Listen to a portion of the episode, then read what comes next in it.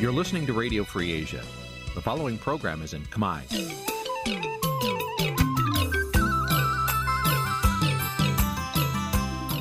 Nǐ chi càm bi tiệp xáy vệt chiu a zì sê ray នេះជាកម្មវិធីផ្សាយរបស់ Vithu Azisari ជាភាសាខ្មែរ វត្តឈូអាស៊ីសេរីសូមស្វាគមន៍លោកអ្នកនាងទាំងអស់ពីរដ្ឋធានី Washington នៃសហរដ្ឋអាមេរិក បាទពីរដ្ឋធានីវ៉ាស៊ីនតោនខ្ញុំបាទសេកបណ្ឌិតសូមជម្រាបសួរអស់លោកអ្នកនាងកញ្ញាទាំងអស់ជាទីមេត្រីយើខ្ញុំសូមជូនកម្មវិធីផ្សាយសម្រាប់ព្រឹកថ្ងៃពុទ្ធ8រោចខែចេសឆ្នាំខាលចត្វាស័កពុទ្ធសករាជ2566ត្រូវនៅថ្ងៃទី22ខែមិថុនាគ្រិស្តសករាជ2022បាទជាដំបូងនេះសូមអញ្ជើញអស់លោកអ្នកនាងស្ដាប់ព័ត៌មានប្រចាំថ្ងៃដែលមានមេត្តាដូចតទៅ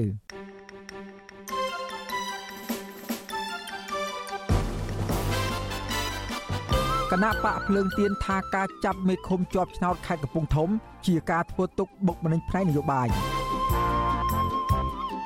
លោកកំសខាបញ្ជាក់ជាថ្មីទៀតថាលោកគ្មានទំនាក់ទំនងជាមួយលោកសំរងស៊ីទៀតនោះទេពលរដ្ឋរិះគន់អាញាធរខេត្តកណ្ដាលថាមិនចាត់វិធានការលើជនជាតិវៀតណាមព្រួតវាយពលរដ្ឋខ្មែរឲ្យរបួសធ្ងន់ធ្ងរតើកម្ពុជាគួរធ្វើយ៉ាងណា ដើម្បីកុំឲ្យរឿងរ៉ាវអភិវឌ្ឍកំពង់ផែកងទ័ពជើងទឹករៀមក្លាយជាទំនាស់ភូមិសាស្ត្រនយោបាយរួមនឹងព័ត៌មានសំខាន់សំខាន់មួយចំនួនទៀតជាបន្តទៅទៀតនេះខ្ញុំបាទសេកបណ្ឌិតសូមជូនព័ត៌មានពិស្ដាបាទលោកអ្នកនាងកញ្ញាជាទីមេត្រីគណៈបកភ្លើងទៀនចាត់ទុកការចាប់ខ្លួនមេឃុំជាប់ឆ្នោតមួយរូបនៃគណៈបកនេះនៅខេត្តកំពង់ធំ ថាជាការធ្វើទុកបុកម្នេញផ្នែកនយោបាយនិងមិនមែនជាការអនុវត្តច្បាប់ដោយត្រឹមត្រូវនោះឡើយគណៈបកនិងសាច់ញាតិរបស់មេឃុំគណៈបកភ្លើងទៀនរូបនេះស្នើដល់តុលាការឲ្យដោះលែងរូបលោកឲ្យមានសេរីភាពឡើងវិញបាទពីរដ្ឋធានីវ៉ាស៊ីនតោនលោកយ៉ងច័ន្ទរារាយការណ៍ជុំវិញព័ត៌មាននេះគណៈបកភ្លើងទៀនសោកស្ដាយចំពោះអាញាធរដែលបានចាប់ខ្លួនមេឃុំជាប់ឆ្នោតនៅឃុំចំណាលើស្រុកសន្ទុកខេត្តកំពង់ធំ គឺលោកញឹមសារ៉ុមពីបទប្លន់ដោយមិនសមហេតុផល អនុប្រធានគណៈបកភ្លើងទៀនលោកថៃសេដ្ឋាប្រាប់វិទ្យុអាស៊ីសេរីកាលពីយប់ថ្ងៃទី21មិថុនាថាអាញាធរយករឿងហេតុដែលកើតមានតាំងពីឆ្នាំ2002យកមកចាប់ខ្លួនលោកញឹមសារ៉ុមលោកថាកាលពីឆ្នាំ2002នោះលោកញឹមសារ៉ុមបានដកយកម៉ាស៊ីនបូមទឹកពីកូនបំណុលដែលជំពាក់ប្រាក់ពុំសងហើយរឿងនេះត្រូវបានដោះស្រាយចប់សពគ្រប់ជាយូរមកហើយលោកយល់ថាការចាប់ខ្លួនមេឃុំជាប់ឆ្នោតនៃគណៈបកភ្លើងទៀនរូបនេះមិនមែនជារឿងត្រឹមត្រូវឡើយ មិនមែនជាការអនុវត្តច្បាប់ទេគឺជាការគម្រាមកំហែងនយោបាយបែបសន្លត់គម្រាមជានយោបាយច្រើនជាងអនុវត្តច្បាប់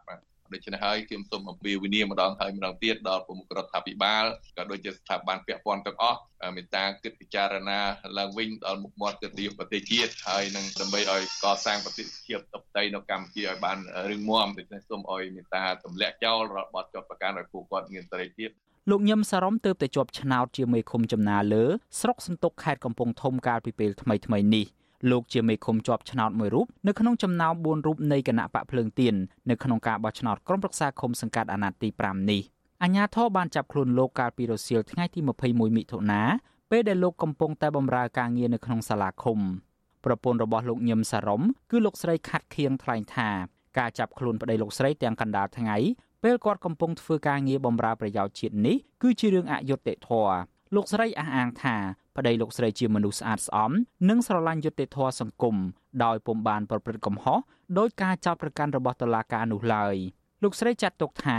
ការចាប់ខ្លួននេះគឺជារឿងរំលោភសិទ្ធិនយោបាយនិងរំលោភឆន្ទៈប្រជាពលរដ្ឋខ្ញុំមានជូនសំពោទៅទាំងអស់ជួយតលេខដីខ្ញុំអស់ដែលខ្ញុំអត់មានកំហុសអីតែដែលខ្ញុំអាតអំអេ ចៅក្រមស៊ើបសួរសាលាដំបងខេត្តកំពង់ធំលោកសិទ្ធវណ្ណៈបានចេញដីកាបង្គាប់ឲ្យចាប់ខ្លួនលោកញឹមសារ៉ុមដែលមានឈ្មោះដើមថាដុកសារ៉ុមកាលពីថ្ងៃទី21ខែមិថុនាឆ្នាំ2012ពីបទប្លន់ប្រព្រឹត្តទៅកាលពីឆ្នាំ2002ព្រះរាជអាជ្ញារងអមសាលាដំបងខេត្តកំពង់ធំ លោកសាយវាសនាអះអាងប្រាប់វិទ្យុ VOD ថាការចាប់ខ្លួននេះគឺជាការអនុវត្តតាមដីកាតុលាការដែលលោកថាមិនពាក់ព័ន្ធទៅនឹងរឿងនយោបាយនោះទេ ទោះជាយ៉ាងណាអនុប្រធានគណៈបកភ្លើងទៀនលោកថាច់សេដ្ឋាអះអាងថាលោកញឹមសារ៉ុមមានទីលំនៅច្បាស់លាស់និងធ្លាប់កាន់តួនាទីជាសមាជិកគណៈប្រឹក្សាឃុំចំណាលើ តាំងពីឆ្នាំ2012និងបន្តរហូតមកដល់គណៈបកសង្គ្រោះជាតិនៅឆ្នាំ2017ដោយពុំមានផ្លាស់ប្ដូរទៅទីណានោះទេ លោកចោទសួរថាតើហេតុអ្វីបានជាអាញាធរទើបតែមកចាប់ខ្លួនលោកញឹមសារ៉ុមពេលគាត់ជាប់ឆ្នោតជាមេឃុំបែបនេះវិទ្យុអាស៊ីសេរីមិនអាចតាក់ទងសុំការបំភ្លឺរឿងនេះ ពីអធិការរងនគរបាលស្រុកសន្ទុកលោកវ៉នសុភ័ណ្ឌដែលជាអ្នកអនុវត្តនៃការចាប់ខ្លួននេះបានទេកាលពីថ្ងៃទី21មិថុនាជុំវិញរឿងនេះអ្នកនាំពាក្យសមាគមការពារសិទ្ធិមនុស្សអាត6លោកសឹងសែនករណាយល់ឃើញថាការចាប់ខ្លួននេះគឺជារឿងចម្លែកព្រោះវាជាសំណុំរឿងតាំងពីឆ្នាំ2002លោកបន្តថានេះគឺជារូបភាពនៃការគំរាមកំហែងផ្នែកនយោបាយនិងប៉ះពាល់ដល់ទឹកចិត្តពលរដ្ឋដែលទើបតែបោះឆ្នោតគ្រប់គ្រងលោកញឹមសារ៉ុមកាលពីពេលថ្មីៗនេះ វាជារឿងមួយដែលយើងគិតថាវាប៉ះពាល់នឹងជះឥទ្ធិពលខ្លាំងសម្រាប់ការប្រកួតប្រជែងផ្នែកនយោបាយហើយវាធ្វើឲ្យមានការគំរាមកំហែងបំបាក់ស្មារតីទៅដល់បេក្ខជននយោបាយដែរចាប់តាំងពីការបោះឆ្នោតក្រុមប្រឹក្សាឃុំសង្កាត់មកអាជ្ញាធរបានចាប់ខ្លួនសកម្មជនគណៈបកភ្លើងទៀន2នាក់ហើយដាក់ពន្ធនាគារនៅក្នុងនោះមួយករណីទៀតកើតមាននៅខេត្តបាត់ដំបងដោយអាជ្ញាធរបានចាប់ខ្លួនមន្ត្រីគណៈបកភ្លើងទៀនលោកលីសុខុនពីបទរំលោភសិទ្ធិលំនៅឋាន បន្ទាប់ពីលោកបានថតសកម្មភាពរបស់អាជ្ញាធរអង្គុយកត់ឈ្មោះពលរដ្ឋទៅបោះឆ្នោតនេះមិនទាន់រាប់បញ្ចូលការចាប់ខ្លួនអ្នកគាំទ្រនិងបេក្ខជនគណៈបកភ្លើងទៀនជាច្រើនករណីផ្សេងទៀតនៅមុនពេលបោះឆ្នោតនៅឡើយទេអនុប្រធានគណៈបកភ្លើងទៀនលោកថាច់សិដ្ឋាយល់ឃើញថាករណីទាំងនេះគឺជាការគំរាមកំហែងនិងជាការធ្វើទុកបុកម្នេញផ្នែកនយោបាយមិនមែនជាការអនុវត្តដោយត្រឹមត្រូវឡើយលោកអំពីវនីវដល់អាជ្ញាធរដោះលែងសកម្មជននយោបាយទាំងអស់ ដែលកំពុងជាប់ឃុំឲ្យមានសេរីភាពវិញនិងរៀបចំបរិយាកាសនយោបាយល្អប្រសើរសម្រាប់ការបោះឆ្នោតតំណាងរាស្ត្រនៅឆ្នាំ2023ខាងមុខខ្ញុំយ៉ងច័ន្ទដារាវិទ្យុអាស៊ីសេរីរាយការណ៍ពីរដ្ឋធានី Washington បាទលោកនាងកញ្ញាជាទីមេត្រីប្រធានគណៈបកសង្គ្រោះជាតិលោកកំសខាបញ្ជាក់ជាថ្មីម្ដងទៀតប្រាប់អ្នកគាំទ្ររបស់ខ្លួនថាលោកគ្មានសម្ព័ន្ធភាពជាមួយលោកសំរងស៊ីទៀតនោះទេលោកកំសខាក៏ឆ្លៀតលឺដង ទៅអតីតមន្ត្រីដែលធ្លាប់ស្និទ្ធនឹងលោកថា កំពុងធ្វើមុខស្វាពេលមិនបានទទួលជោគជ័យពីការបោះឆ្នោតឃុំសង្កាត់កន្លងទៅនេះបាទពីរដ្ឋធានី Washington អ្នកស្រីសុជីវីរាយការណ៍ជុំវិញព័ត៌មាននេះក្នុងសារសម្លេងជាង40នាទីអមដោយសម្លេងទះដៃរបស់អ្នកគាំទ្រដែលវិទ្យុអាស៊ីសេរីទទួលបាននៅថ្ងៃទី21ខែមិថុនាលោកកឹមសុខាបញ្ជាក់ថា នៅពេលនេះលោកគ្មានសិទ្ធិសេរីភាពពេញលេញដូច្នេះ លោកមិនទៅបោះឆ្នោតលោកមិនគាំទ្រគណៈបកនយោបាយណាមួយទេប៉ុន្តែបើលោកមានសិទ្ធិពេញលេញលោកនឹងធ្វើនយោបាយឡើងវិញលោកកឹមសុខាបន្តចោទប្រកាន់ប្រធានស្ដីទីគណៈបកសង្គ្រោះជាតិលោកសំរងស៊ីថាបានផ្ដាច់ខ្លួនចេញពីលោកទៅដឹកនាំគណៈបកភ្លើងទៀននិងថែមទាំងវាយប្រហារលោកទៀតផងលោកថាលោកសំរងស៊ីពេលនេះគឺជើងមួយជន់ទុកពីរហើយបើតាមនោះខ្ញុំត្រូវមួយសំស៊ីឥឡូវសំស៊ីក៏អាចចេញហើយប្រដងលើទីគាត់អាចចេញទៅទៅវិញចោលណាណាមកគាត់ចេញហើយគាត់ចេញមិនត្រឹមចេញទេគាត់បាយមហាខ្ញុំទៀតសំស៊ីថាពីលោកកម្មស្កាយខុសខ្លួនណាលោ កកឹមសុខាដែលកំពុងជាប់បំរាមតុលាការមិនអោយធ្វើសកម្មភាពនយោបាយបានលើកឡើងទៀតថា គេមិនអោយលោកធ្វើនយោបាយព្រោះខ្លាចចាញ់ឆ្នោតលោកទោះយ៉ាងណាលោកមិនបញ្ជាក់ថាគេនោះជានរណាឡើយប៉ុន្តែទំនងជាសម្ដៅទៅរដ្ឋាភិបាលលោកហ៊ុនសែនព្រោះរដ្ឋាភិបាលលោកហ៊ុនសែនជាអ្នកប្តឹងលោកពីបទក្បត់ជាតិលោកកឹមសុខាក៏បានចំអកទៅមន្ត្រីដែលស្និទ្ធនឹងលោកពីររូបគឺអតីតអនុប្រធានគណៈបកសង្គ្រោះជាតិលោកប៉ុលហំ និងអតីតសមាជិកសភាគណៈបកសង្គ្រោះជាតិលោកយ៉ែមពញ្ញរិទ្ធថាកំពុងធ្វើមុខស្វាព្រោះបានចាក់ចេញពីលោកទៅបង្កើតគណៈបកចូលរួមការបោះឆ្នោត និងមិនបានអ្វីសោះពីការបោះឆ្នោតនោះអ្នកលោកសិទ្ធិលោកពួកខ្ញុំលើតាបលអំក្តីលោកដូចលោកយ៉ែបវិញរិទ្ធអីគេចឹងទៅហើយចេញទៅអត់បានអីគឺមុខស្វាយ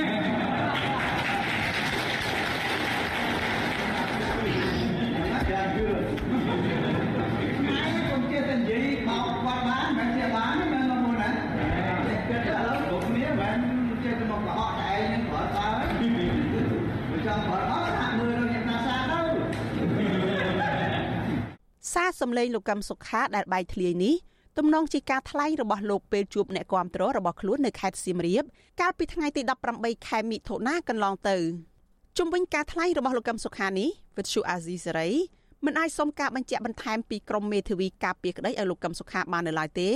នៅថ្ងៃទី21ខែមិថុនានេះជាលើកទី2ហើយដែលលោកកឹមសុខាថ្លែងពីការបដិខ្លួនពីលោកសំរងស៊ី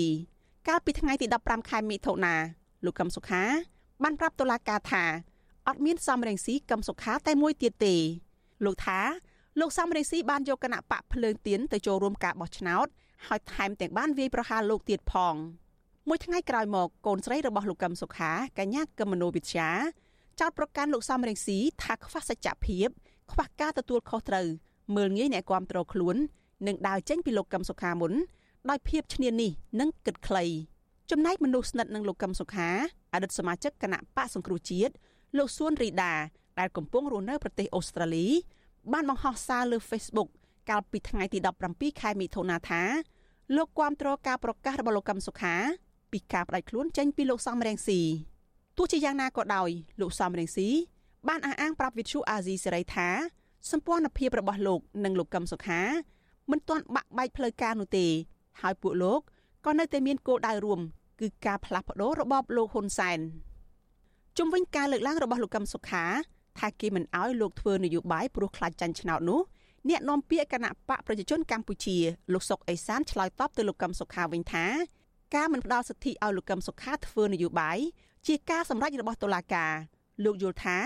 នេះគ្រាន់តែជាវោហារសាស្ត្រនយោបាយរបស់លោកកឹមសុខាតែប៉ុណ្ណោះ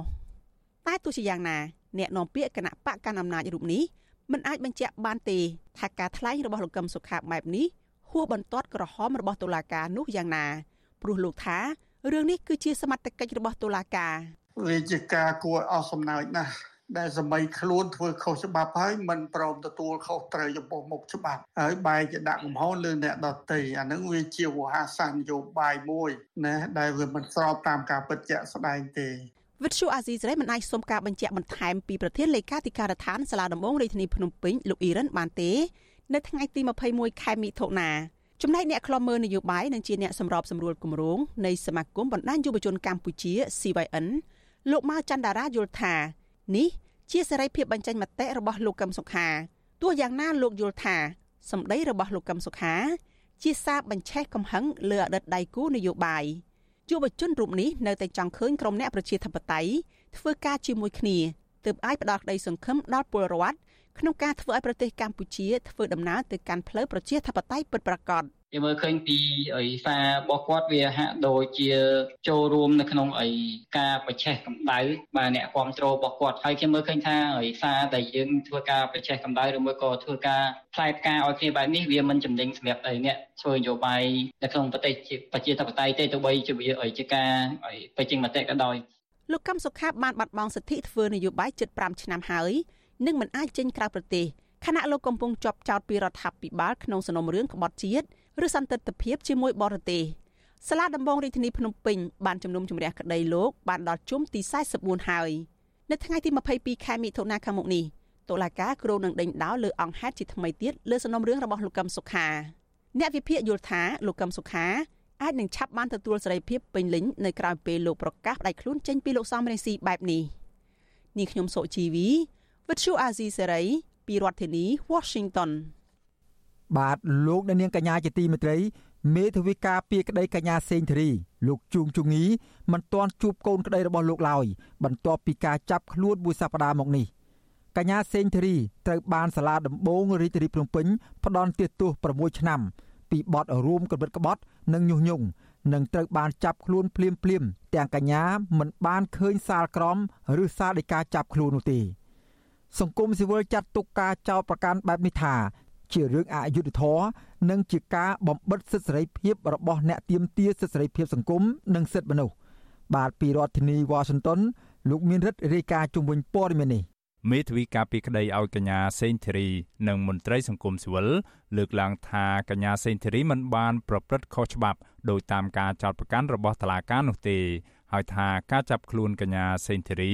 គឺជាការគំរាមកំហែងទៅដល់ការតវ៉ារោគយុត្តិធម៌សង្គមផ្សេងទៀត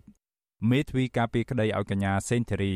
លោកជួងជងីប្រាវិសុវស៊ីសេរីនៅរសៀលថ្ងៃទី21ខែមិថុនាថាការមិនអនុញ្ញាតឲ្យលោកចូលជួបកូនក្តីរបស់លោកភ្លាមភ្លាមក្រោយពីការចាប់ឃុំខ្លួន គឺជាការរំលោភសិទ្ធិកូនក្តីលោក និងសិទ្ធិមេធាវី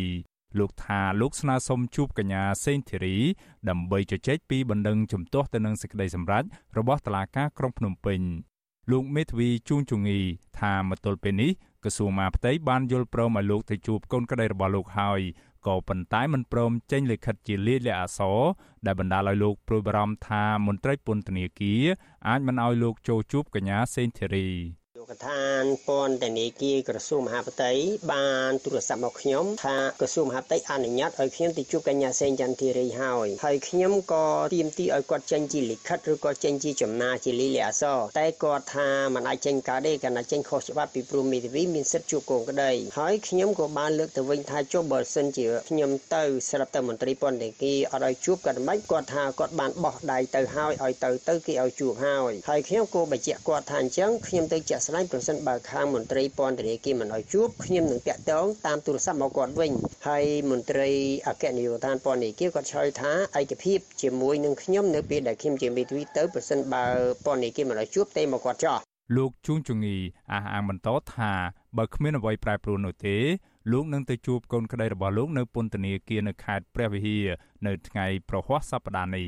វិសុយស៊ីស្រីមិនអាចតាក់ទងแนะនាំពាក្យអគ្គនាយកដ្ឋានពន្ធនាគារ ដើម្បីបញ្ជាក់ជុំវិញរឿងនេះបាននៅឡើយទេ នៅថ្ងៃទី21ខែមិថុនាដោយទូរស័ព្ទហៅចូលតែពុំមានអ្នកទទួល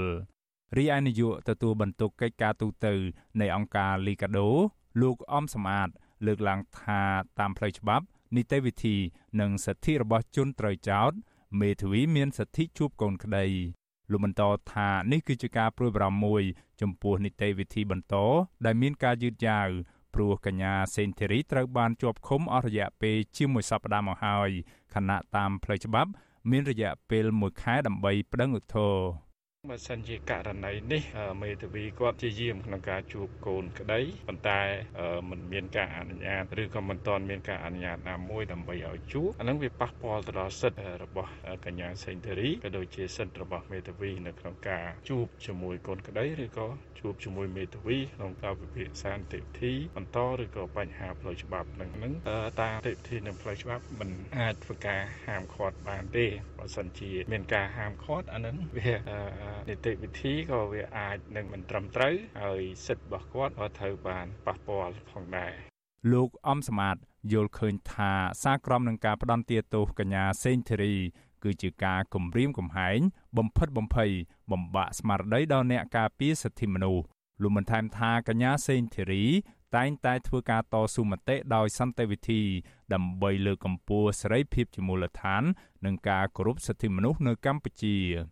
កាលពីថ្ងៃទី14ខែមិថុនាកញ្ញាសេនធូរីត្រូវបានតុលាការក្រុងភ្នំពេញផ្តន្ទាទោសដាក់ពន្ធនាគាររយៈពេល6ឆ្នាំពីបទរួមគំនិតក្បត់និងបទញុះញង់នៅក្នុងសំណុំរឿងវិលចូលស្រុកវិញរបស់លោកសំរងស៊ីកាលពីឆ្នាំ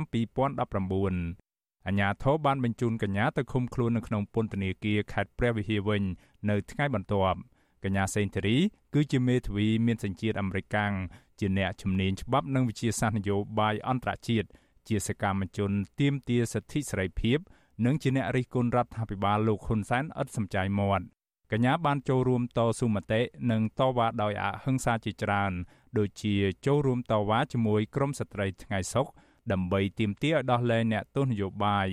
លើកទឹកចិត្តដល់បុគ្គលិក Nagawal ឲ្យធ្វើកោតកម្មដោយសន្តិវិធី ទាមទារសំណងសមស្របពីថកែក្រុមហ៊ុន Nagawal និងជាអ្នកលើកស្ទួយសិទ្ធិស្ត្រីជាដើមក្រោយចាប់ខ្លួនកញ្ញាសេងធីរីភ្លាមភ្លាមលោកមេធាវីជួងជងីបានសុំមន្ត្រីពន្ធនាគារចូលជួបកូនក្តីរបស់លោកដើម្បីពន្យល់ពីសារក្រមផ្ដន្ទាទោសកញ្ញាក៏ប៉ុន្តែត្រូវបានមន្ត្រីពន្ធនាគារបដិសេធទោះយ៉ាងណាក្រុមអ្នកវិភាគអង្គការសង្គមស៊ីវិលជាតិនិងអន្តរជាតិផ្នែកសិទ្ធិមនុស្សនិងសហរដ្ឋអាមេរិក ចាត់ទុកការចាប់ឃុំខ្លួនកញ្ញាសេងធីរី ថាជារឿងនយោបាយនិងអយុត្តិធម៌ហើយទាមទារឲ្យតុលាការកម្ពុជាទម្លាក់ចោលការចាត់ប្រកាន់និងដោះលែងកញ្ញាសេងធីរីឲ្យមានសេរីភាពឡើងវិញខ្ញុំបាទមេរិត Visual C ស្រីរាយការណ៍ពីរដ្ឋធានី Washington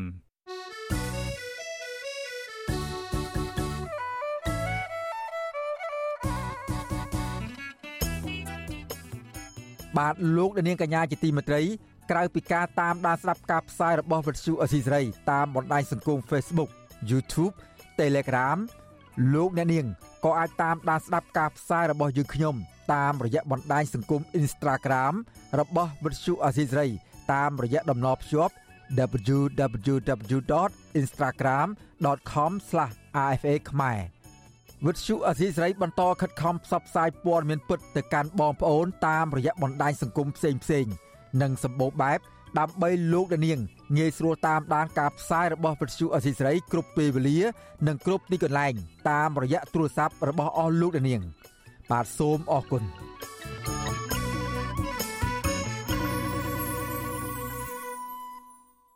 បាទលោកអ្នកនាងកញ្ញាជាទីមេត្រីមន្ត្រីសមាគមការពារសិទ្ធិមនុស្សអាត6 ដាក់ពាក្យប្តឹងសារទុកទៅតុលាការកំពូលប្រឆាំងនឹងសារដីកាផ្ដន់ទោសរបស់សាលាធរក្រុងភ្នំពេញក្នុងសំណុំរឿងសោកប៉ាន់សាក់សីមន្ត្រីសិទ្ធិមនុស្សស្នើសុំឲ្យតុលាការជាន់ខ្ពស់មួយនេះផ្ដល់យុត្តិធម៌និងទម្លាក់ចោលការចោទប្រកាន់ព្រោះពួកគាត់បំពេញការងារលើកកម្ពស់សិទ្ធិមនុស្សនិងជួយដល់ពលរដ្ឋរងគ្រោះតាមវិជ្ជាជីវៈនិងច្បាប់យ៉ាងត្រឹមត្រូវបាទពីរដ្ឋធានីវ៉ាស៊ីនតោនលោកទីនសាការីយ៉ារាយការណ៍ជុំវិញព័ត៌មាននេះ មន្ត្រីសមាគមការពារសិទ្ធិមនុស្សអាត់ហុកលើកឡើងថាក្រោយពីទទួលរងនូវភាពអយុត្តិធម៌ពីសេចក្តីសម្រេចប្រន្ទាទោសរបស់តុលាការជាន់ទាបបន្តបន្ទាប់មកនោះពួកគេបានដាក់ពាក្យប្តឹងសារទុកទៅតុលាការកំពូលបន្តទៀតកាលពីព្រឹកថ្ងៃទី21មិថុនាពួកគាត់រំពឹងថាតុលាការជាន់ខ្ពស់មួយនេះនឹងផ្ដល់សេរីភាពពេញលេញដោយទម្លាក់ចោលការចាប់ប្រកាន់នាពេលខាងមុខមន្ត្រីសមាគមការពារសិទ្ធិមនុស្សអាត់ហុកលោកយីសុកសានថ្លែងថាមូលហេតុដែលលោកដាក់ពាក្យប្តឹងសារទុកនៅពេលនេះដោយសារតែកន្លងមក សេចក្តីសម្រេចប្រន្ទាទោសរបស់តុលាការថ្នាក់ក្រោមវិនិច្ឆ័យដោយពំបានពិចារណាផ្អែកលើអង្គហេតុនិងអង្គច្បាប់ឲ្យបានច្បាស់លាស់នោះទេលោកថាផ្ទុយទៅវិញមន្ត្រីសិទ្ធិមនុស្សដែលបំពេញការងារជួយចុះរងគ្រោះស្របតាមគោលការណ៍សមាគមនិងច្បាប់បែរជារងការលៀបពណ៌និងចាប់ប្រកាន់តាមប្រព័ន្ធតុលាការទាំងអយុធធម៌ទៅវិញលោកយីសុកសានស្នើដល់ក្រុមប្រឹក្សាជំនុំជម្រះតុលាការកំពូលក៏ហៅដើមបណ្ដឹងដើម្បីចូលរួមសវនាការតតល់គ្នាដោយសារពីសាលាដំបង ក៏ដោយសាលាអតោលោកមិនបានចាត់វិធានការទៅតាមសំណុំពររបស់ពួកយើងទេដែលលោកវិនិច្ឆ័យខុសវិនិច្ឆ័យមិនបានពិចារណាទៅលើអង្គហេតុអង្គច្បាប់អស់តាងជាពិសេសសាកសីពីរអ្នកដែលប្តឹងមកលើរូបយើងណាចោតកាន់មកយើងថារឿងចូលបានសាកសីគឺពួកគាត់អត់បានចូលខ្លួនមកតទល់គ្នាចំពោះមុខច្បាប់បណ្ដឹងសារទុកនៅពេលនេះធ្វើឡើងដើម្បីប្រឆាំងនឹងការសម្រេចរបស់ក្រុមប្រឹក្សាជំនុំជម្រះសាឡាវធោភ្នំពេញលោកសិនវិសាល ដែលបានតម្កល់ការផ្ដន្ទាទោសមន្ត្រីសិទ្ធិមនុស្សនៃសមាគមការពារសិទ្ធិមនុស្សអាត់ហុកលោកនីសុខាលោកយីសុកសានអ្នកស្រីលឹមមនីនិងមន្ត្រីសិទ្ធិមនុស្សម្នាក់ទៀតគឺលោកណៃវងដានិងអគ្គលេខាធិការរងគណៈកម្មាធិការជាតិរៀបចំការបោះឆ្នោតលោកនីចារ្យាតាមសារក្រមសាលាដំបងរាជធានីភ្នំពេញដោយកាត់ទោសឲ្យជាប់ពន្ធនាគារក្នុងម្នាក់ម្នាក់ចំនួន5ឆ្នាំក្រោមបទចោទប្រកាន់សោកប៉ាន់សាក់សីនិងសំគំនិតសោកប៉ាន់សាក់សីពាក់ព័ន្ធនឹងសំណុំរឿងរបស់ខុំចន្ទរាទីហើយស្រីមុំ ដែលត្រូវបានគេចោទថាជាស្រីកំណាន់របស់លោកកម្មសុខាកាលពីខែកញ្ញាឆ្នាំ2018កន្លងទៅប៉ុន្តែទោស5ឆ្នាំនេះតុលាការឲ្យអនុវត្តទោសក្នុងពន្ធនាគាររយៈពេល14ខែហើយទោសដែលនៅសល់ត្រូវបានព្យួរវិទ្យុអាស៊ីសេរីមិនអាចតតងនេះនាំពាក្យតុលាការកំពូលនៅស្រីម៉ៅធីតាដើម្បីសុំការអធិប្បាយជំវិញរឿងនេះបានទេនៅថ្ងៃទី21មិថុនាតកតងនៅរឿងនេះនាយកទទួលបន្ទុកកិច្ចការទូតនៃអង្គការសិទ្ធិមនុស្សលីកាដូលោកអំសំអាត មានប្រសាសន៍ថា ការចាប់ប្រកាន់និងការផ្ដន្ទាទោសលើមន្ត្រីសិទ្ធិមនុស្សអាត65នាក់កន្លងទៅគឺជារឿងអយុត្តិធម៌សម្រាប់អ្នកការពារសិទ្ធិមនុស្សដែលជួយចុះរងគ្រោះដោយបំពេញការងារតាមវិជ្ជាជីវៈត្រឹមត្រូវនោះលោកមើលឃើញថាសំណុំរឿងនេះគ្មានភ័ស្តុតាងដាក់បន្ទុកក្នុងការចោទប្រកាន់លើមន្ត្រីសិទ្ធិមនុស្សទាំងនេះទេលោកបន្តថាចំពោះការមិនកោះហៅសាកសីខំចន្ទរាទីហើយស្រីមុំនិងអ្នកស្រីត្រីជួនចូលរួមសវនាការហាក់លំអៀងទៅរកដើមមិនដឹងដែលជាការបំពាននីតិវិធីច្បាប់តាំងពីដើមមកហើយតែបន្គួរមានការចោទប្រកាន់និងការបដិសេធទោសពួកគាត់ទេព្រោះពួកគាត់គ្រាន់តែបំពេញតួនាទីនៅក្នុងនាមជាអ្នកការពារសិទ្ធិមនុស្សហើយប្រើផលប្រយោជន៍នៅក្នុងសង្គមហើយការពារទៅលើសិទ្ធិរបស់ប្រជាពលរដ្ឋហើយធ្វើការតាមក្រមសីលធម៌និងវិជ្ជាជីវៈដែលមិនមែនជាបទល្មើសត្រូវចោទប្រកាន់ទេអគ្គលេខាធិការរងកោជប និងមន្ត្រីការពារសិទ្ធិមនុស្សអាត់ហុកទាំង4រូបត្រូវបានអាជ្ញាធរចាប់ខ្លួននៅចាប់ប្រកាន់ពីបទសោកប៉ាន់សាក់សីនិងសំគំនិតសោកប៉ាន់សាក់សីក្នុងសំណុំរឿងផ្ដាល់ប្រាក់ជាង200ដុល្លារទៅឲ្យស្រីមុំក្នុងនាមជាជនរងគ្រោះដែលរត់មករកអាតហុកឲ្យជួយ កាលពីខែមេសាឆ្នាំ2016បុគ្គលិកកោជបនិងមន្ត្រីអាតហុកទាំង5នាក់ត្រូវបានអាជ្ញាធរបញ្ជូនទៅឃុំខ្លួននៅពន្ធនាគារបរិសរអគ្គលេខាធិការរងកោជបលោកនីចារិយានិងមន្ត្រីអាតហុក ត្រូវបានបញ្ជូនទៅឃុំខ្លួននៅពន្ធនាគារបរិសរកាលពីថ្ងៃទី1ខែឧសភាឆ្នាំ2016រហូតដល់មានការដោះលែងឲ្យប្រកាសនៅក្រៅខុំបណ្ដោះអាសន្នវិញ កាលពីថ្ងៃទី29ខែមិថុនាឆ្នាំ2017ខ្ញុំទីនសាការីយ៉ាអសិសរីប្រធានាធិបតីវ៉ាស៊ីនតោនបាទលោកអ្នកនាងកញ្ញាជាទីមេត្រីរឿងរ៉ាវដែលកម្ពុជាអនុញ្ញាតឲ្យចិនអភិវឌ្ឍកំពង់ផែកងទ័ពជើងទឹករៀម បច្ចុប្បន្នកំពុងក្លាយទៅជាបញ្ហាចម្រូងចម្រាសកាន់តែខ្លាំងឡើង និងគួរឲ្យបារម្ភនៅក្នុងតំបន់ស្របពេលដែលសហរដ្ឋអាមេរិកនិងសម្ព័ន្ធមិត្តរបស់ខ្លួន បន្តលើកឡើងពីកង្វល់នេះ នៅចំពោះមុខបញ្ហានេះតើកម្ពុជា គួរដោះស្រាយយ៉ាងណា ដើម្បីកុំឲ្យរឿងរ៉ាវនេះក្លាយទៅជាទំនាស់ភូមិសាស្ត្រនយោបាយដ៏រ៉ាំរ៉ៃនៅថ្ងៃខាងមុខនោះបាទលោកលាននៅបានស្ដាប់សេចក្តីរាយការណ៍ពិស្ដារអំពីរឿងនេះនាពេលបន្តិចទៀត។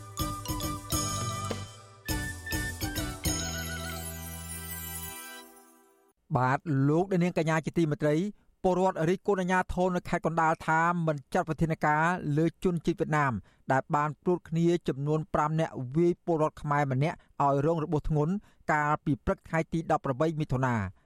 សាច់ញាតិនិងពលរដ្ឋអ្នកឃើញហេតុការណ៍ផ្ទាល់ភ្នែកអះអាងថាសកម្មភាពនេះគឺជាអំពើហិង្សារបស់ជនបរទេសដែលមករស់នៅលើទឹកដីខ្មែរហើយព្រួតវាយម្ចាស់ស្រុកដោយមិនខ្លាចញញើតច្បាប់ បាទពីរដ្ឋធានីវ៉ាស៊ីនតោនអ្នកស្រីសុជីវីរាយការណ៍ជុំវិញព័ត៌មាននេះពលរដ្ឋដែលអះអាងថារងគ្រោះដោយការព្រួតវាយគឺលោកអានរុនប្រាប់វិទ្យុអាស៊ីសេរីថាលោកបានចាំងជំរះស្មៅនិងប្រមូលសម្រាមដុតនៅខាងមុខផ្ទះដែលមានហុយផ្សែងទៅលើផ្ទះជនជាតិវៀតណាមឈ្មោះលៀនហឹងអាយុជាង40ឆ្នាំកាលពីថ្ងៃទី18ខែមិថុនាលោកបន្តថាពេលនោះស្រាប់តែបរិះរូបនេះបានចេញមកឆ្លោះប្រកែកជាមួយលោករួចក៏ព្រួតគ្នាមួយគ្រួសារមានគ្នា5នាក់ គឺកូនប្រុស3នាក់និងប្តីប្រពន្ធ2នាក់វាយតប់រុញច្រានលោកឲ្យដួលបោកក្បាលទៅលើថ្នោតបេតុងលោកបញ្ជាក់ថាពេលនោះក្បាលរបស់លោកឡើងហើមជាំហើយលោកបានទៅសម្រាប់ព្យាបាលនៅមន្ទីរពេទ្យរយៈពេល3ថ្ងៃលោកបន្តថាលោកក៏បានប្តឹងទៅអាជ្ញាធរឃុំរកាកៅមួយដែរតែអាជ្ញាធរហាក់មិនយកចិត្តទុកដាក់ដោះស្រាយបណ្ដឹងរបស់លោកនោះទេ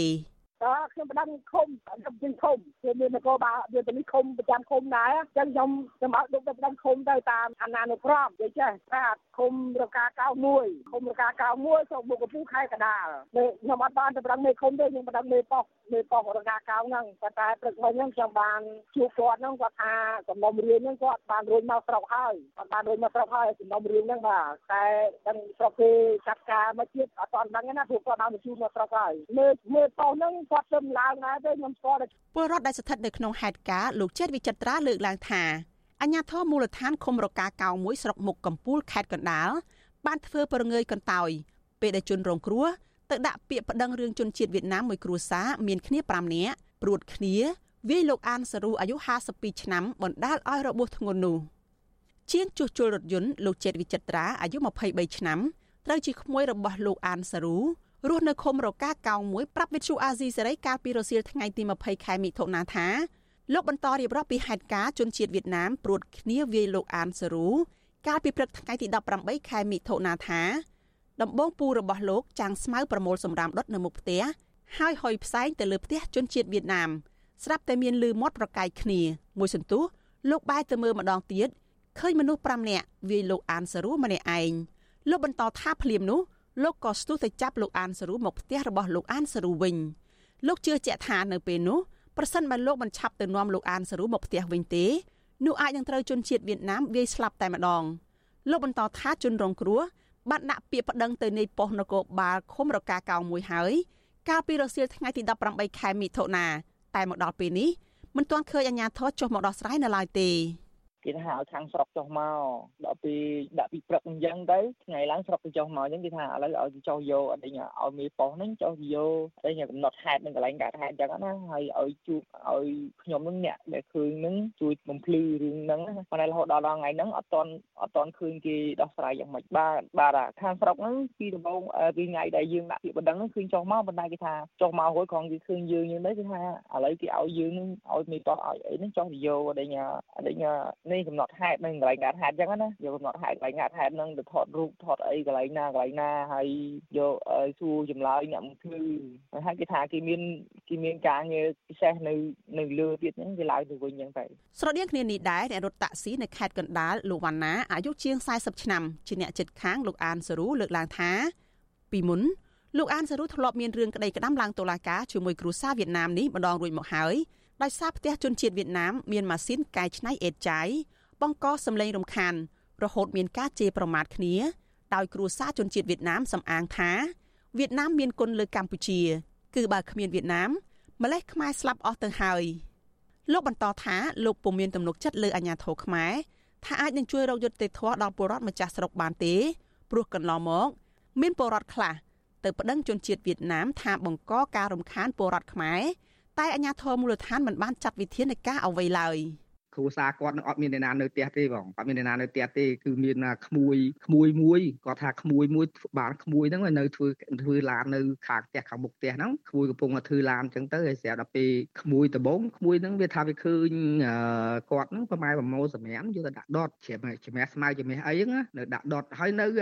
យាយទៅរូបភាពហ្នឹងខ្ញុំថតខ្ញុំថតបានខ្ញុំបង្ហោះទៅខ្លះហើយខ្ញុំថតខ្ញុំបង្ហោះទៅខ្លះហើយពួកខ្ញុំមើលទៅខ្ញុំមិនឈឺចាប់ទេយើងជាជនជាតិខ្មែរត្រូវជនបរទេសមកជន់ឈ្លីតាមអំពើចិត្តអញ្ចឹងខ្ញុំបង្ហោះទៅ ឆ្លើយតបនឹងបញ្ហានេះនាយប៉ុស្តិ៍ឃុំរកាកៅមួយស្រុកមុខកំពូលលោកសុករីប្រាប់វិទ្យុអាស៊ីសេរីនៅថ្ងៃទី21ខែមិថុនាថាជនរងគ្រោះមិនសុខចិត្តទទួលយកសំណងនឹងការសុំសម្របសម្រួលពីជនជាតិវៀតណាមនោះទេគឺគាត់ស្នើឲ្យមានការចាត់វិធានការស្របទៅតាមច្បាប់លោកបន្តថាអញ្ញាធរនៅមិនទាន់ស៊ើបអង្កេតដឹងថាភៀកគីណាខុសឬត្រូវយ៉ាងណានៅឡើយទេត្បិតជនជាតិវៀតណាមនិងពលរដ្ឋខ្មែរដែលរងរបួសស្នាមបានឆ្លោយយកត្រូវរៀងខ្លួន តែទោះជាយ៉ាងណាលោកថាលោកបានកសាងសំណុំរឿងបញ្ជូនទៅថ្នាក់លើរួចហើយរងចាំការស៊ើបអង្កេតទៅតាមច្បាប់បន្តទៀត។ នឹងកំពុងដល់ធ្វើឯកសារហ្នឹងហើយតហើយមិនតាន់ដល់ដល់ដល់ទៅស្រុកទេរឿងគាត់ថាគាត់បាននៃការទៅមេលើហើយប៉ុន្តែការងារហ្នឹងនៅបន្តខ្សែជាវួននាំឲ្យតទៀតណាទោះអ្វីរហហើយបងប៉ុន្តែ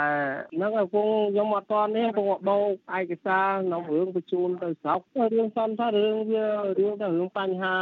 ទលុះគ្នាពី រឿងសម្រាប់នោះដុតសម្រាប់ដុតភ្លក់នោះកាត់ឡើងជុំវិញរឿងនេះយុវជននៃក្រមខ្មែរថាវរៈលោកហ៊ុនវណ្ណៈលើកជាមតិថាពលរដ្ឋវៀតណាមមករស់លើទឹកដីខ្មែរខ្លះមិនទាន់ទាំងចេះនិយាយខ្មែរច្បាស់ផងហាក់មិនខ្លាចរអាច្បាប់កម្ពុជាទេលោកយល់ថារឿងនេះអាចមានអាជ្ញាធរមានអំណាចនៅពីក្រោយទើបបានជាអាជ្ញាធរមូលដ្ឋានមិនហ៊ានអនុវត្តច្បាប់លើជនជាតិវៀតណាមលោកបន្តថាប្រសិនបើអាជ្ញាធរនៅតែមិនចាត់វិធានការទៅលើជនជាតិវៀតណាមទាំងនោះ ក្រុមលោកនឹងរួមគ្នា ស្នើសុំទៅរដ្ឋាភិបាលឲ្យជួយអន្តរាគមន៍រឿងជនជាតិវៀតណាមមកនៅស្រុកខ្មែរខុសច្បាប់ ប្រកាសជាប៉ះពាល់ប៉ះពាល់ត្រង់ថាអឺដោយវាបង្កើតជាគេហៅថាអារម្មណ៍សតិអារម្មណ៍មួយខ្លាចបាក់ស្បាតយើងយើងចង់និយាយថាពេលដែលយើងនៅផ្ទះយើងយើងមានអារម្មណ៍កក់ក្ដៅប៉ុន្តែបើពេលដែលយើងនៅផ្ទះយើងហើយអ្នកដតីដែលផ្ទះគេផ្ទះគេនៅណានៃនោះហើយគេមកមានអំណាចនៅលើផ្ទះរបស់យើងអញ្ចឹងចង់មិនចង់គឺអ្នកដែលរស់នៅផ្ទះយើងហ្នឹងទាំងបងប្អូនមកពូជពូជសន្តានរបស់យើងហ្នឹងទៅជាក្រុមមនុស្សដែលដែលខ្លាចដែលបាក់ស្បាតអញ្ចឹងវាអត់ខុសគ្នាពីជនបរទេសមកនៅទឹកដីប្រទេសមួយហើយមានអំណាចមានព្រៀបជាងប្រទេសកំណើតខ្លួនឯងហ្នឹងវាធ្វើឲ្យប្រជាពលរដ្ឋយើងហ្នឹងខ្លាចបាក់ស្បាតហើយចោះញោមគេអាហ្នឹងវាវាប្រកាសជាវាប៉ះពាល់អ្នកនាំពាក្យសមាគមការពារសិទ្ធិមនុស្សអាត6លោកសឹងសែនករណាលើកឡើងថាទោះបីជាជាតិសាសនាក៏ដោយដែលមករស់នៅទឹកដីកម្ពុជាត្រូវតែគោរពច្បាប់កម្ពុជា ហើយអាជ្ញាធរហើយអាជ្ញាធរត្រូវតែចាត់វិធានការនៅក្នុងរឿងនេះតាមបណ្ដឹងរបស់ពលរដ្ឋ លោកស្នើឲ្យអាជ្ញាធរថ្នាក់ជាតិគួរចុះស៊ើបអង្កេតនិងចាត់វិធានការទៅលើមន្ត្រីថ្នាក់ក្រោមដែលមិនអើពើដោះស្រាយបណ្ដឹងរបស់ពលរដ្ឋក្នុងការពិចារណាហើយអនុវត្តទៅតាមច្បាប់របស់ប្រទេសយើងទោះបីថាយើងទៅនៅប្រទេសណាក៏គេគេមានការត្រួតពិនិត្យបែបហ្នឹងដែរអញ្ចឹងគួរតែមានការអនុវត្តឲ្យបានតឹងរឹងហើយជាពិសេសទៅលើអ្នកដែលគាត់បានមករស់នៅក្នុងប្រទេសកម្ពុជាយើងហើយមិន ប្រើអេរិយាបថឲ្យបានត្រឹមត្រូវមិនគោរពតាមច្បាប់ប្រទេសកម្ពុជាយើងអានឹងរឹតតែយើងគួរតែមានការពិនិត្យវិจัยហើយនឹងកាត់ចាត់វិធានការតាមផ្លូវច្បាប់ឲ្យតឹងរឹងទៅទៀតដើម្បីកុំឲ្យអំពើបែបហ្នឹងចេះតែកើតមានឡើងមកលើពលរដ្ឋកម្ពុជាណាបាទកន្លងមកមានករណីជនជាតិវៀតណាមព្រួតគ្នាវាយសម្លាប់ពលរដ្ឋខ្មែរឈ្មោះរតធីអាយុ33ឆ្នាំរស់នៅភូមិអ្នកលឿងក្រោមឃុំអ្នកលឿងជាប់នឹងភូមិ6ឃុំព្រែកខ្សាយខ ស្រុកពីមរខេត្តព្រៃវែងការវាយប្រហារនោះក៏វៀតណាមព្រួតគ្នា20នាក់វាយខ្មែរម្នាក់ដែរប៉ុន្តែអាជ្ញាធរមិនបានចាប់ជនដៃដល់មកផ្ដន់ទោសនោះទេរបាយការណ៍របស់អាជ្ញាធរជាតិថាចាប់តាំងពីខែមេសាឆ្នាំ2014ដល់ដំណាច់ឆ្នាំ2016កម្ពុជាបានបណ្តេញជនបរទេសដែលរស់នៅខុសច្បាប់នៅកម្ពុជាចំនួន15230នាក់ស្មើនឹង79សញ្ជាតិភាគច្រើនជាជនជាតិវៀតណាមប៉ុន្តែថ្មីថ្មីនេះរដ្ឋាភិបាលវៀតណាម តែងតែអំពាវនាវរដ្ឋាភិបាលកម្ពុជា យកចិត្តទុកដាក់ដល់ជនជាតិរបស់ខ្លួនដែលកំពុងរស់នៅក្នុងប្រទេសកម្ពុជា ដោយធានានូវសិទ្ធិស្របច្បាប់របស់ពួកគេនេះខ្ញុំសុជីវីវិទ្យុអាស៊ីសេរីពីរដ្ឋធានី Washington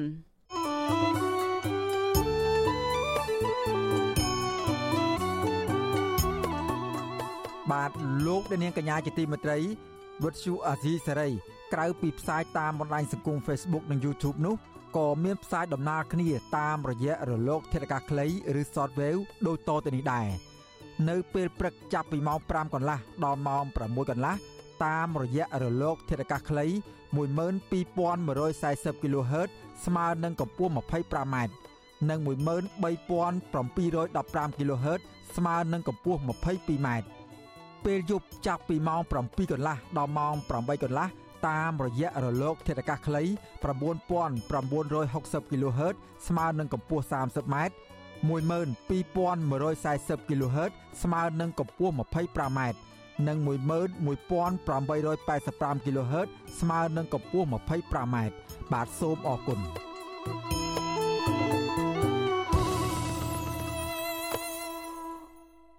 បាទលោកអ្នកនាងកញ្ញាជាទីមេត្រីពាក់ព័ន្ធនឹងកិច្ចការពីប្រៃឈើនិងបរិស្ថានវិញម្ដង ប្រជាសហគមន៍ការពីប្រៃឡង់អះអាងថាមន្ត្រីបរិស្ថានខេត្តស្ទឹងត្រែងបន្តបណ្តែតបណ្តោយឲ្យពលរដ្ឋជាច្រើនអ្នកប្រដាប់ដោយរណាយន្តអាឈើនិងដឹកជញ្ជូនឈើដោយខុសច្បាប់ចេញពីដែនជំរកសត្វព្រៃឡង់ដោយគ្មានការទប់ស្កាត់ប៉ុន្តែបែរជាមកបន្តរឹតបន្តឹងអ្នកការពារព្រៃឈើមិនឲ្យចុះល្បាតព្រៃឈើជិត3ឆ្នាំមកហើយមន្ត្រីសង្គមស៊ីវិលសង្កេតឃើញថាអវត្តមានបណ្ដាញសហគមន៍ការពារព្រៃឡង់នៅមូលដ្ឋាន គឺជាឱកាសដល់ក្រុមអ្នករោគស៊ីឈើខុសច្បាប់និងមន្ត្រីខលខូចបាទពីរដ្ឋធានី Washington លោកជាតិចំណានរាយការណ៍ជុំវិញព័ត៌មាននេះបណ្ដាញសហគមន៍ព្រៃឡង់ប្រាប់វិទ្យុអសិរ័យថាសកម្មភាពកាប់ឈើមានតម្លៃអាចជ្រៀកជាបន្ទះក្តារក្នុងតំបន់ព្រៃឡង់រួចដឹកចេញតាមទូកគោយន្តនិងម៉ូតូកំពុងកើតមានយ៉ាងច្រើនសន្ធឹកសន្ធាប់នៅរយៈពេលជាង6ខែចុងក្រោយនេះ ពួកគាត់មានមន្ទិលសង្ស័យថាតើឆ្មាំអភិរក្សរបស់ក្រសួងបរិស្ថានដែលឈរជើងយាមព្រៃឡង់កំពុងធ្វើកិច្ចការអ្វីខ្លះបានជាសកម្មភាពកាប់ឈើខុសច្បាប់នៅតែមានការឡើងដដែលដដែលដោយគ្មានដំណោះស្រាយជាច្រើនឆ្នាំមកហើយប៉ុន្តែអ្នកការពារព្រៃឈើវិញបែរជាទទួលរងពាក្យបណ្ដឹងជាច្រើនករណីពីមន្ត្រីបរិស្ថានទាំងនោះសមាជិកបណ្ដាញសហគមន៍ការពារព្រៃឡង់ខេត្តស្ទឹងត្រែងលោកកុងរីប្រាប់វិសុអសិរ័យនៅថ្ងៃទី21ខែមិថុនាថាគ្រាន់តែច្រកផ្លូវមួយខ្សែនៅក្នុងភូមិកំពង់ប៉ាងក្នុងឃុំកាំងចាម មានម៉ូតូដឹកឈើមិនក្រោម50គ្រឿងនោះទេហើយគោយន្តមានចន្លោះពី5គ្រឿងទៅ10គ្រឿងក្នុងមួយថ្ងៃលោកថារដូវវស្សាឆ្នាំនេះក្រុមឈ្មួញបានប្រើទូកជាមធ្យោបាយដឹកឈើតាមផ្លូវទឹកក្នុងអាងទន្លេមេគង្គចាប់ពីចំណុចឃុំកាំងចាមឆ្ពោះទៅខេត្តក្រចេះហើយនៅក្នុងទូកអាចផ្ទុកឈើជាង20ម៉ែត្រគូបលោកបន្ថែមថាឈើដែលក្រុមជនល្មើសដឹកជញ្ជូនភាគច្រើនគឺឈើសក្រំដួងចែមកកោះនិងក្រឡាញ់ជាដើមភាគច្រើនត្រូវបានគេអាចជ្រៀកនៅក្នុងព្រៃរួចជាស្រេច ទូបដាក់ទៅលើមាន10តោនទៅ20តោននេះនោះហើយមុខសញ្ញាវាអ្នករដ្ឋការឲ្យមន្ត្រីបរិស្ថានឲ្យប៉ូលីសសេដ្ឋកិច្ចអីណាថាក្នុងព្រៃឡង់នោះចង់ស៊ីផឹកពេញព្រមព្រៀងពេញនឹងចង់បាញ់ឆ្លុះឆ្លុះចង់បាញ់តគួតតគួតឥឡូវដាក់អន្ទាក់ខ្លាក៏ដាក់អន្ទាក់ខ្លាមានទាំងអស់មាននរណាទៅទប់ស្កាត់បរិស្ថានគេចូលទៅណារួចបើព្រៀងផឹកបរិស្ថានណាទៅចាំទៅផ្លូវយើងរាយការទៅបានអើតមកយើងរាយការទៅហើយទៅមកអើតតាមផ្លូវវិញបាត់មកគេរត់ការឲ្យអស់ហើយមានមកមើលទៅទៀតបរិះដដែលបន្ថែមថា ក្រុមអ្នកកាប់ឈើកំពុងសម្រុកចូលអាឈើក្នុងតំបន់ព្រៃឡង់នៅក្នុងចំណុចស្ទឹងប្រងចំណុចបោះក្ដួច អូសេមន់និងអូបែកចានដែលក្រសួងចាត់ទុកថាជាតំបន់ស្នូដែលសម្បូរដើមឈើធំធំ និងសត្វព្រៃកម្ររស់នៅលោកថាបច្ចុប្បន្នព្រៃឡង់កំពុងក្លាយជាទីផ្សារកាប់ឈើខុសច្បាប់ហើយមានឈ្មោះជាច្រើនអ្នកចាំប្រមូលទិញឈើនៅមូលដ្ឋានដោយត្រូវបង់លុយឲ្យសមត្ថកិច្ចនិងមន្ត្រីបរិស្ថានជាថ្នូវទៅនឹងការមិនអនុវត្តច្បាប់វិសុអសិសរីមិនអាចសុំការបំភ្លឺរឿងនេះ ពីប្រធានមន្ត្រីបដិឋានខេត្តស្ទឹងត្រែងលោកស្រែងជាហេងបានទេនៅថ្ងៃទី21ខែមិថុនាដោយទូរស័ព្ទចូលជាច្រើនដងតែគ្មានអ្នកលើករីឯអ្នកនាំពាក្យក្រសួងបដិឋានលោកណេតភត្រាក៏វិសុអសិសរីមិនអាចតាក់ទងបានដែរនៅថ្ងៃដដែលនោះចំណែកអ្នកនាំពាក្យគណៈកម្មការជាតិទប់ស្កាត់និងបង្ក្រាបបទល្មើសព្រៃឈើលោកអេងហ៊ីបានផ្ដាច់ទូរស័ព្ទនៅពេលដែលវិសុអសិសរីចោទសួរពីប្រសិទ្ធភាពការងាររបស់គណៈកម្មការជំនាញមួយនេះតើនៅបន្តបេសកកម្មឬយ៉ាងណាហើយមកដល់ពេលនេះ មន្ត្រីសម្របសម្រួលគម្រោងនៃសមាគមបណ្ដាញយុវជនកម្ពុជាលោកអូតឡាទីនសង្កេតឃើញថានៅគ្រាដែលក្រមយុវជននិងបណ្ដាញការពារព្រៃឡង់ចុះល្បាតព្រៃម្ដងម្ដងតែងតែឃើញមន្ត្រីបដិឋានតាមដានឃ្លាំមើល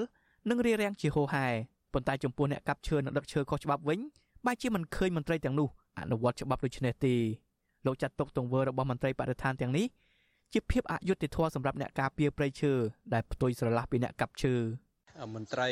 ឧស្សាហនរិយដែលនៅប្រចាំការនៅប៉ុស្តិ៍យាមនៅតាមច្រកចេញសំខាន់សំខាន់នៅតំបន់ព្រៃឡង់ហ្នឹងគាត់មិនបានយកចិត្តទុកដាក់នៅក្នុងការធ្វើកិច្ចការងារអនុវត្តច្បាប់ឲ្យឲ្យតឹងរឹងនោះទេវាផ្ទុយអំពីសកម្មភាពរបស់បណ្ដាញសហគមន៍ព្រៃឡង់ហើយនិងក្រុមសកម្មជនវិញក្រុមសកម្មជនមកគៀកគៀកព្រៃឡង់ហ្នឹងតែងតែមានក្រុមមន្ត្រីធ្វើការតាមដានខ្លងមើលជាប្រចាំប៉ុន្តែ សម្រាប់បញ្ហាបទល្មើសពួកគាត់មិនបានធ្វើការអនុវត្តច្បាប់ឲ្យតឹងរឹងជុំវិញរឿងនេះមន្ត្រីសម្របសម្រួលសមាគមការពារសិទ្ធិមនុស្សអាត់ហុកលោកប៊ីវ៉ានីអះអាងថាបទល្មើសព្រៃឈើកើតមានឡើងច្រើនក្នុងតំបន់ព្រៃឡង់គឺបណ្ដាលមកពីមន្ត្រីបរិស្ថានមិនអនុវត្តច្បាប់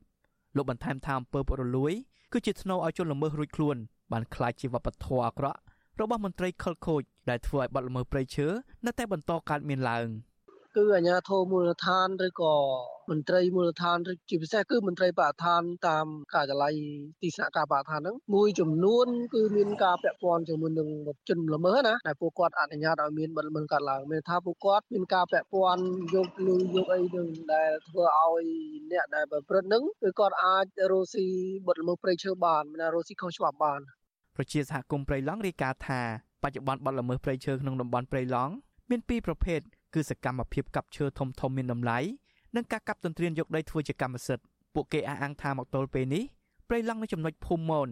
និងភូមិវាពោក្នុងឃុំអន្លង់ជ្រៃត្រូវបានគេកាប់អស់ជាង200ហិកតាជាថ្មីទៀតរីឯព្រៃឡង់នៅចំណុចវាព្រិចនៅក្នុងភូមិអន្លង់ជ្រៃឃុំអន្លង់ជ្រៃក៏ត្រូវបានគេកាប់បំផ្លាញអស់ជិត1000ហិកតានៅរយៈពេល4ខែចុងក្រោយនេះលើសពីនេះក្រុមអ្នកកាប់ឈើជាច្រើនក្រុមប្រដាប់ដោយរណាយន្តជាច្រើនគ្រឿងកំពុងមមាញឹកកាប់ទ្រានព្រៃទាំងតូចទាំងធំ រួចដុតកំទេចចោលដើម្បីបំលែងតំបន់នោះទៅជាដីកម្មសិទ្ធិឯកជន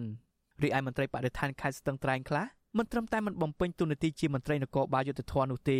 បែរជាទទួលប្រយោជន៍ពីអ្នកកាប់ឈើទាំងនោះព្រោះតែផលប្រយោជន៍ផ្ទាល់ខ្លួន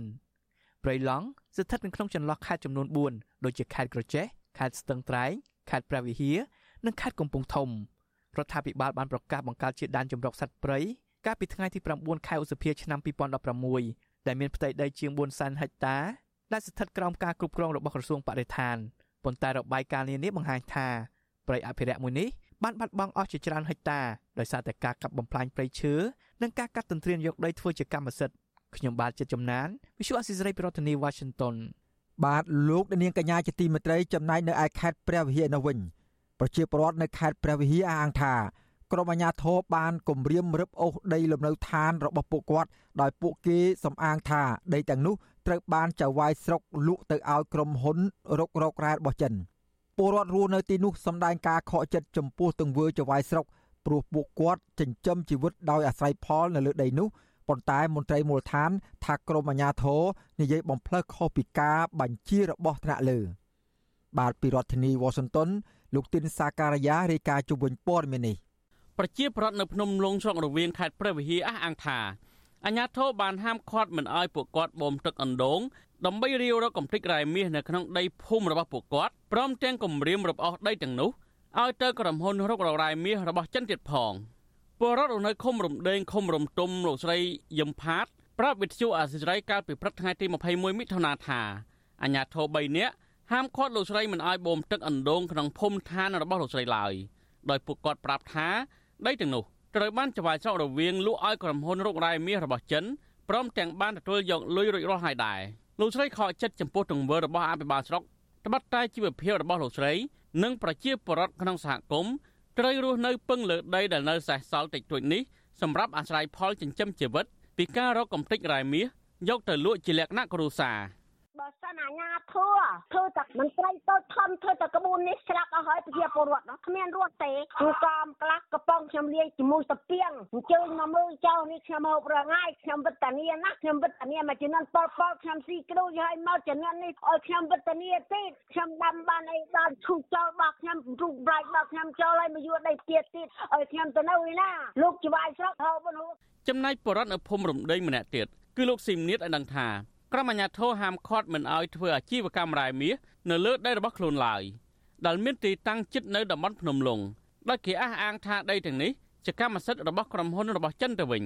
លោកថាក្រុមហ៊ុនចិនកំពុងតែវាទីយកដីរបស់ប្រជាពលរដ្ឋដោយខົບខិតគ្នាជាមួយអភិបាលស្រុករវៀង គាត់ថាកន្លែងភ្នំហ្នឹងជាប់អាជ្ញាប័ណ្ណរបស់ចិនអញ្ចឹងបងគាត់ថាចវាយស្រុករវាងហ្នឹងគាត់ថាយកលុយរបស់ចិនអញ្ចឹងណានិយាយចំខ្ញុំមិនយល់ឃើញបែបណាទេបងបងគាត់ថាគាត់តបនរ៉ែមនេះអញ្ចឹងភ្នំអញ្ចឹងគាត់មិនត្រូវនេះទេព្រោះកម្មសិទ្ធិរបស់ជាបរិវត្តទាំងអស់គ្នាទេណាអានេះក្រួយស្រុកអ្នកភូមិហ្នឹងវិទ្យុអសិរ័យមិនអាចតតងសំការបកស្រាយពីអភិបាលស្រុករវៀងលោកហោប៊ុនហួរ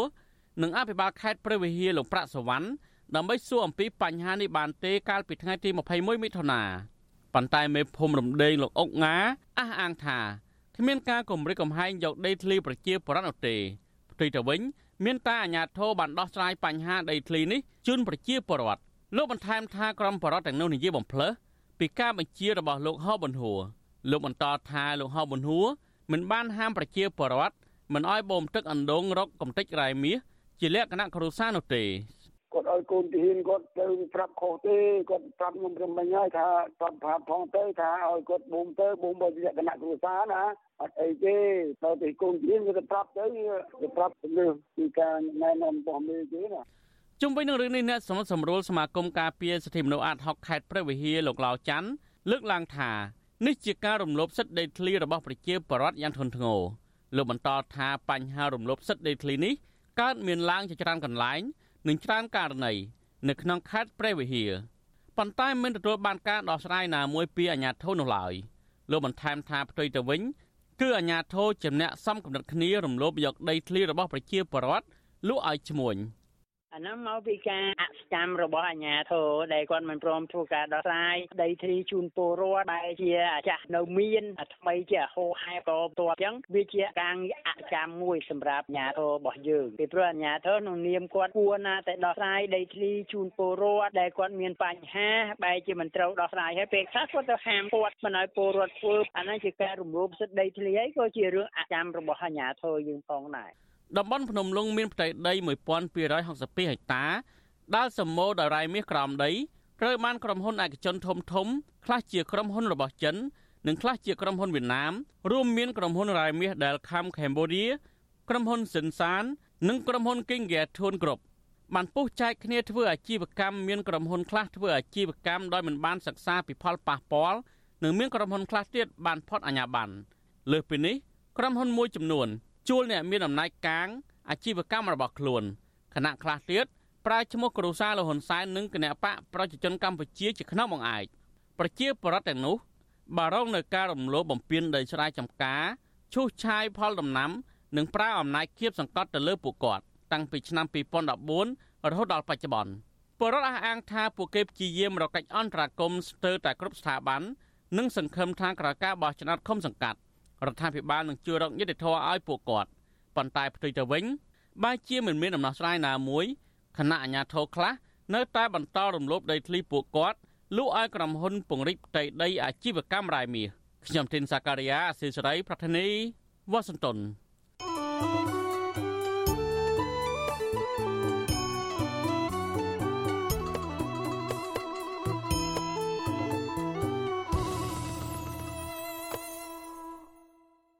បាទលោកអ្នកនាងកញ្ញាជាទីមេត្រីពាក់ព័ន្ធនឹងរឿងរ៉ាវដែលកម្ពុជាអនុញ្ញាតឲ្យចិនអភិវឌ្ឍកំពង់ផែកងទ័ពជើងទឹករៀមបច្ចុប្បន្នកំពុងក្លាយជាបញ្ហាចម្រូងចម្រាសកាន់តែខ្លាំងឡើងខ្លាំងឡើង និងគួរឲ្យព្រួយបារម្ភនៅក្នុងតំបន់ស្របពេលដែលសហរដ្ឋអាមេរិកនិងសម្ព័ន្ធមិត្តរបស់ខ្លួន បន្តលើកឡើងពីកង្វល់នេះ នៅចំពោះមុខបញ្ហានេះតើកម្ពុជាគួរដោះស្រាយយ៉ាងណា ដើម្បីកុំឲ្យរឿងនេះក្លាយជាទំនាស់ភូមិសាស្ត្រនយោបាយដ៏រ៉ាំរ៉ៃនៅថ្ងៃខាងមុខនោះបាទលោកមានរិទ្ធមានសេចក្តីរាយការណ៍ពិស្ដារអំពីរឿងនេះការដែលកម្ពុជាអនុញ្ញាតឲ្យប្រទេសកុម្មុយនីសចិនអភិវឌ្ឍកំពង់ផែកងទ័ពជើងទឹករៀមហើយរងនឹងការចោទប្រកាន់ថាលួចឲ្យចិនប្រើប្រាស់ផ្ដាច់មុខឬដាក់មូលដ្ឋានទ័ពនៅទីនោះទំនងជាមិនងាយនឹងសាបរលាប ឬបិទបញ្ចប់ទៅឡើយ បើទោះបីជាទាំងភៀកគីកម្ពុជានិងចិនបានបដិសេធរឿងនេះជាហោហែរួចមកហើយក៏ដោយក៏ការបដិសេធទាំងនេះនៅតែមិនអាចធ្វើឲ្យសហរដ្ឋអាមេរិកនិងសម្ព័ន្ធមិត្តរបស់ខ្លួនជ្រះស្រឡះចិត្តបាននៅឡើយទេបញ្ហានេះរឹតតែកើនកម្ដៅខ្លាំងនឹងត្រូវបានសារព័ត៌មានល្បីៗនៅលើពិភពលោកយកមកចុះផ្សាយប្រងព្រាតជាពិសេសនៅពេលដែលកម្ពុជានិងចិន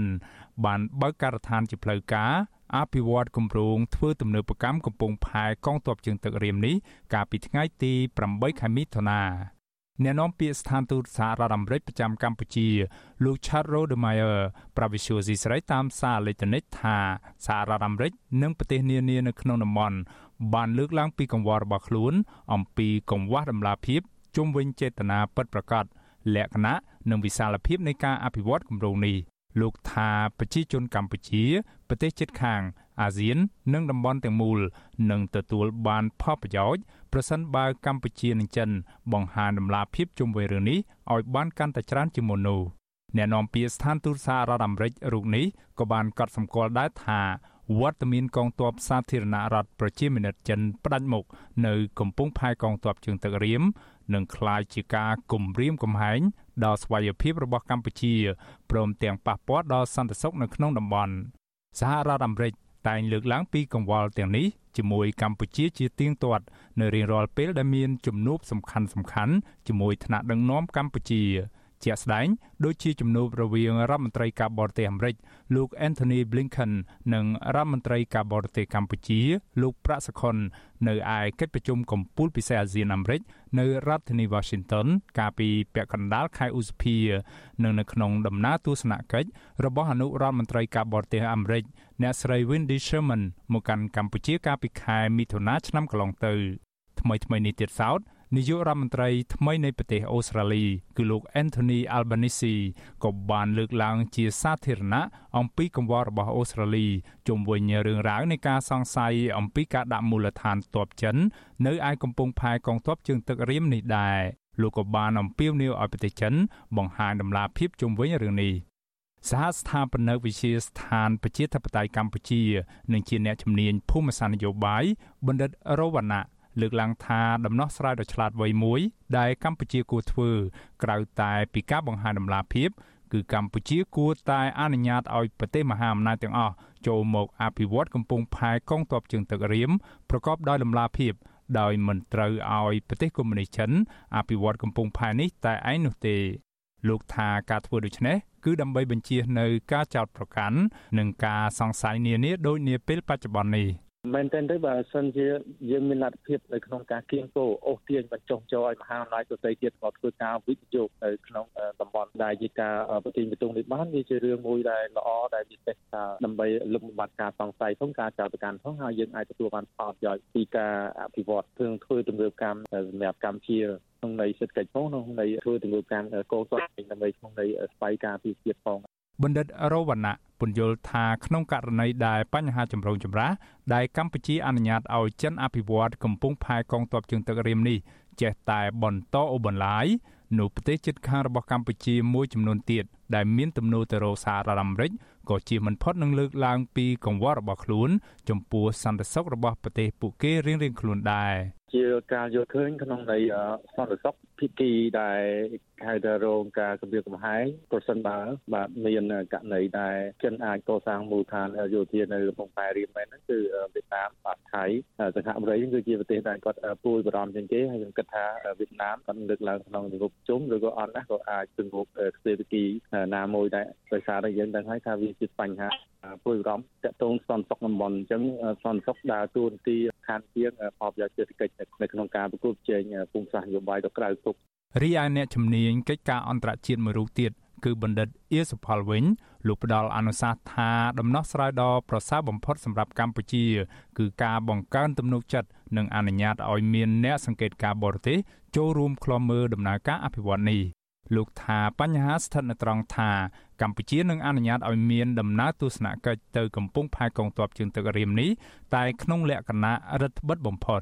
លោកបញ្យល់ថាចិនកំពុងចាប់អារម្មណ៍ពង្រីកអំណាចយោធារបស់ខ្លួននៅលើពិភពលោកខណៈចិនមានកងទ័ពជើងទឹកធំជាងគេបង្អស់នៅលើពិភពលោកក៏ប៉ុន្តែនៅពេលដែលគ្មានមូលដ្ឋានកងទ័ពជើងទឹកនោះក៏បារបស់ចិននឹងត្រូវត្រឡប់ចូលមកចតនៅក្នុងប្រទេសខ្លួនវិញលោកបន្តថាក្រៅពីនេះ ចិនក៏កំពុងតែបារម្ភអំពីសម្ព័ន្ធភាពយោធាត្រីភាគីឈ្មោះ AUKUS រវាងសហរដ្ឋអាមេរិកចក្រភពអង់គ្លេសនិងប្រទេសអូស្ត្រាលី ដែលចិនយល់ថាគឺជាការគំរាមកំហែងដល់ការពង្រីកឥទ្ធិពលរបស់ខ្លួននៅក្នុងតំបន់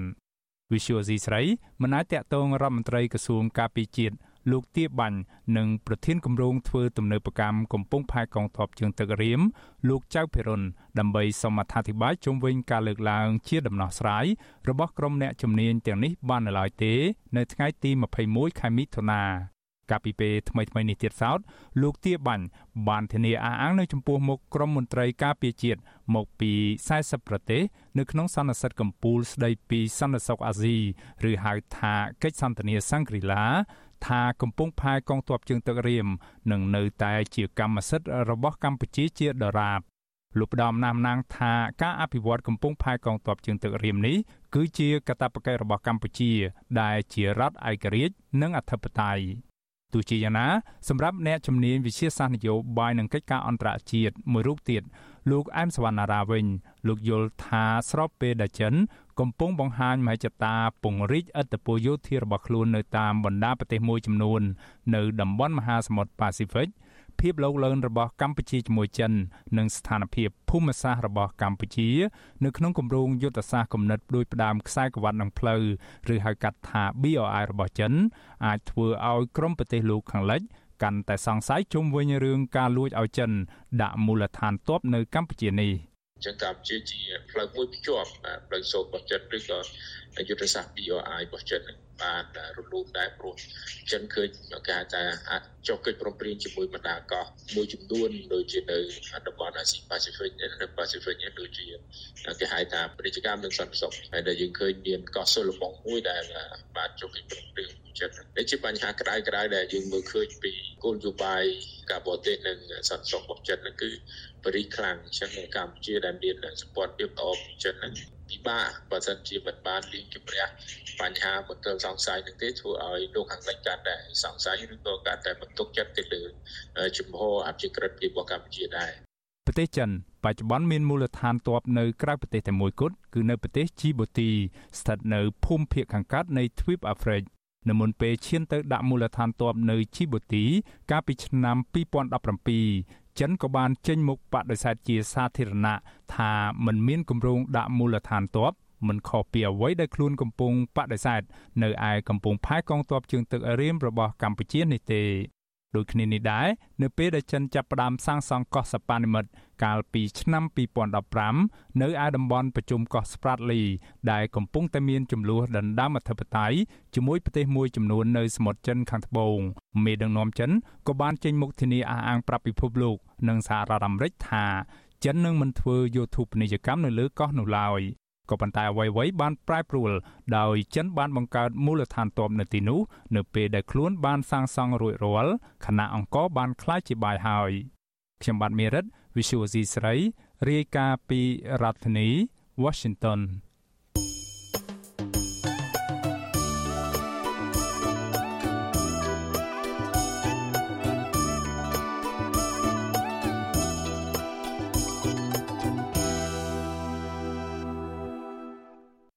បាទលោកអ្នកនាងកញ្ញាជាទីមេត្រីការផ្សាយរបស់វិទ្យុអសីសេរីសម្រាប់ព្រឹកនេះចប់តែប៉ុណ្ណេះខ្ញុំបាទសេកបណ្ឌិតព្រមទាំងក្រុមការងារទាំងអស់នៃវិទ្យុអសីសេរីសូមជូនពរដល់អស់លោកអ្នកនាងឲ្យជួបប្រកបតែនឹងសេចក្តីសុខចម្រើនរុងរឿងកំបីគ្លៀងគ្លាឡើយខ្ញុំបាទសេកបណ្ឌិត សូមអរគុណនិងសូមជម្រាបលា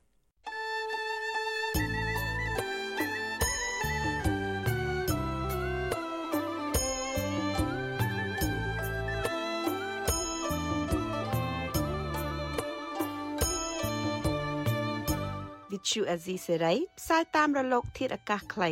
ឬ short wave តាមកម្រិតនិងកម្ពស់ដូចតទៅនេះពេលព្រឹកចាប់ពីម៉ោង5កន្លះដល់ម៉ោង6កន្លះតាមរយៈរលកធាតុអាកាសខ្លី12140 kHz ស្មើនឹងកម្ពស់ 25m និង13715 kHz ស្មើនឹងកម្ពស់ 22m ពេលយប់ចាប់ពីម៉ោង7កន្លះដល់ម៉ោង8កន្លះតាមរយៈរលកធាតុអាកាសខ្លី 9960 kHz ស្មើនឹងកម្ពស់ 30m និង12140 kHz ស្មើនឹងកម្ពស់ 25m សូមលោកអ្នកនាងចុច like និងចុច Subscribe ដើម្បីទទួលបានព័ត៌មានថ្មីៗទាន់ហេតុការណ៍និងទស្សនាវីដេអូផ្សេងៗទៀតបានគ្រប់ពេលវេលា